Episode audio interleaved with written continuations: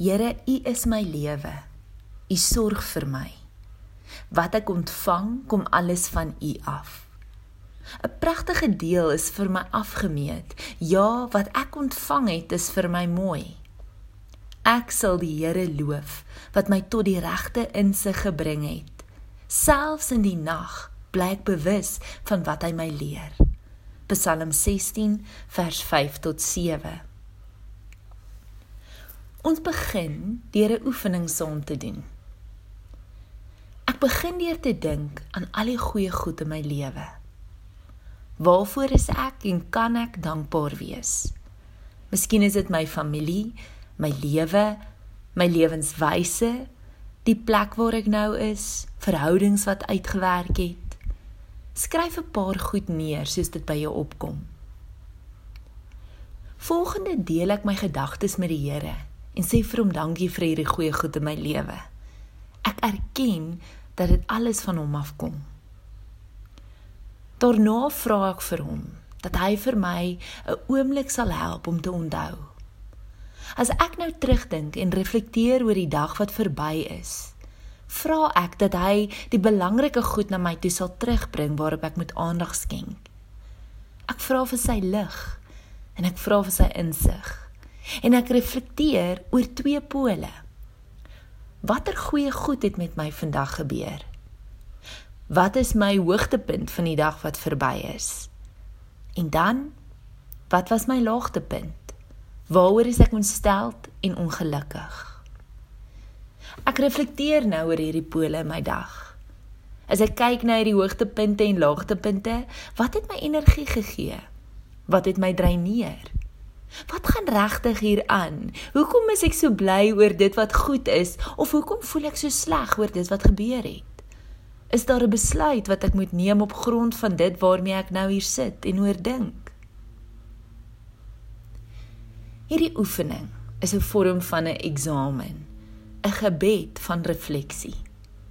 'n Man met die naam van Ignatius het hierdie manier van bid 500 jaar gelede voorgestel toe 'n klomp mense hom gevra het: "Hoe kan ons 'n beter verhouding met die Here hê en hoe kan ons meer groei in hom en meer begin te lewe soos wat hy wil hê ons moet lewe?" My idee van gebed was aanvanklik uitgedaag toe ek dit die eerste keer oefen. Daar's soveel forme van gebed en honderde boeke en metodes beskikbaar om jou op jou gebedsreis te help. Ek het besef dat ek 'n manier van gebed moet vind wat vir my werk en wat vir my energie gee. Deur gebed behoort jy ervarings te hê van krag. Jy behoort ervarings te hê van insig. Jy behoort moed te skep en te kry. Jy behoort leiding te ontvang. As gebed net 'n moeilike dissipline is of net 'n plig is, dan is daar iets verkeerd.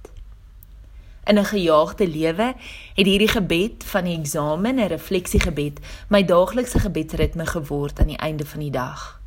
Dit help my om God se stem te hoor en te onderskei in 'n wêreld vol geraas.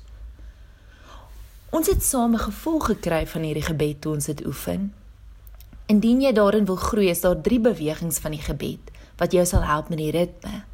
En ek stel voor dat jy dit elke dag aan die einde van jou dag vir 15 minute met 'n joernaal doen.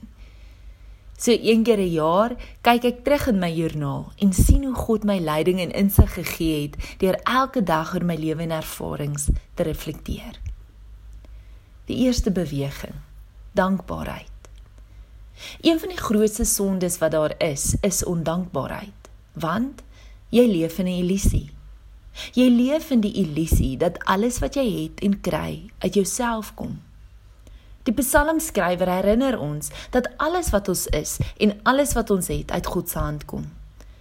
Dit is so belangrik om 'n lewe van dankbaarheid te kweek, want dan word ek 'n gelukkige mens. 'n Dankbare mens is 'n gelukkige mens en 'n gelukkige mens is 'n dankbare mens. Die tweede beweging is insig. Deur te reflekteer, kry ek insig in my lewe en ek leer dat God nie net te vind is op die bergpieke wanneer dit goed gaan en waar dit mooi is nie. Hy is ook in die tuin waar ek sondige besluite maak en versoekings in die gesig staar. Hy is ook in die trane en die moeilike omstandighede en uitdagings van my lewe. Ek kry ook insig oor die patrone in my lewe. Hoe ek reageer, die maniere wat God deur die dag met my praat en die denkpatrone wat byvoorbeeld my lewe oorheers. Ek kom agter. Ek sien nie goed soos wat dit is nie. Ek sien goed soos wat ek is. En God help my om met sy bril na my lewe te begin kyk. Die laaste beweging. Vra. Om te vra is die kern van ons interaksie en ons verhouding met God. Alhoewel God aan ons wil gee, sal God nooit iets op ons dwing nie. God respekteer altyd ons vryheid en wag vir ons om te vra. Hierdie gebed vat my na 'n plek toe waar ek sê ek kan nie self nie. Ek weet nie wat die beste is vir my lewe nie en ek weet ook nie wat die beste is vir ander mense se lewens nie. Ek het sy leiding nodig. Dis 'n gebed van oorgawe. Ek vra hom: Here, wat is dit wat my bly maak? Wat is dit wat my so aantrek tot hierdie gebeurtenisse? Hoekom gee dit my soveel energie? Wat wil U hierdeur vir my wys? Of hoekom stoot dit my so af? Hoekom is ek so ontstel daaroor? Wat gaan regtig hier aan?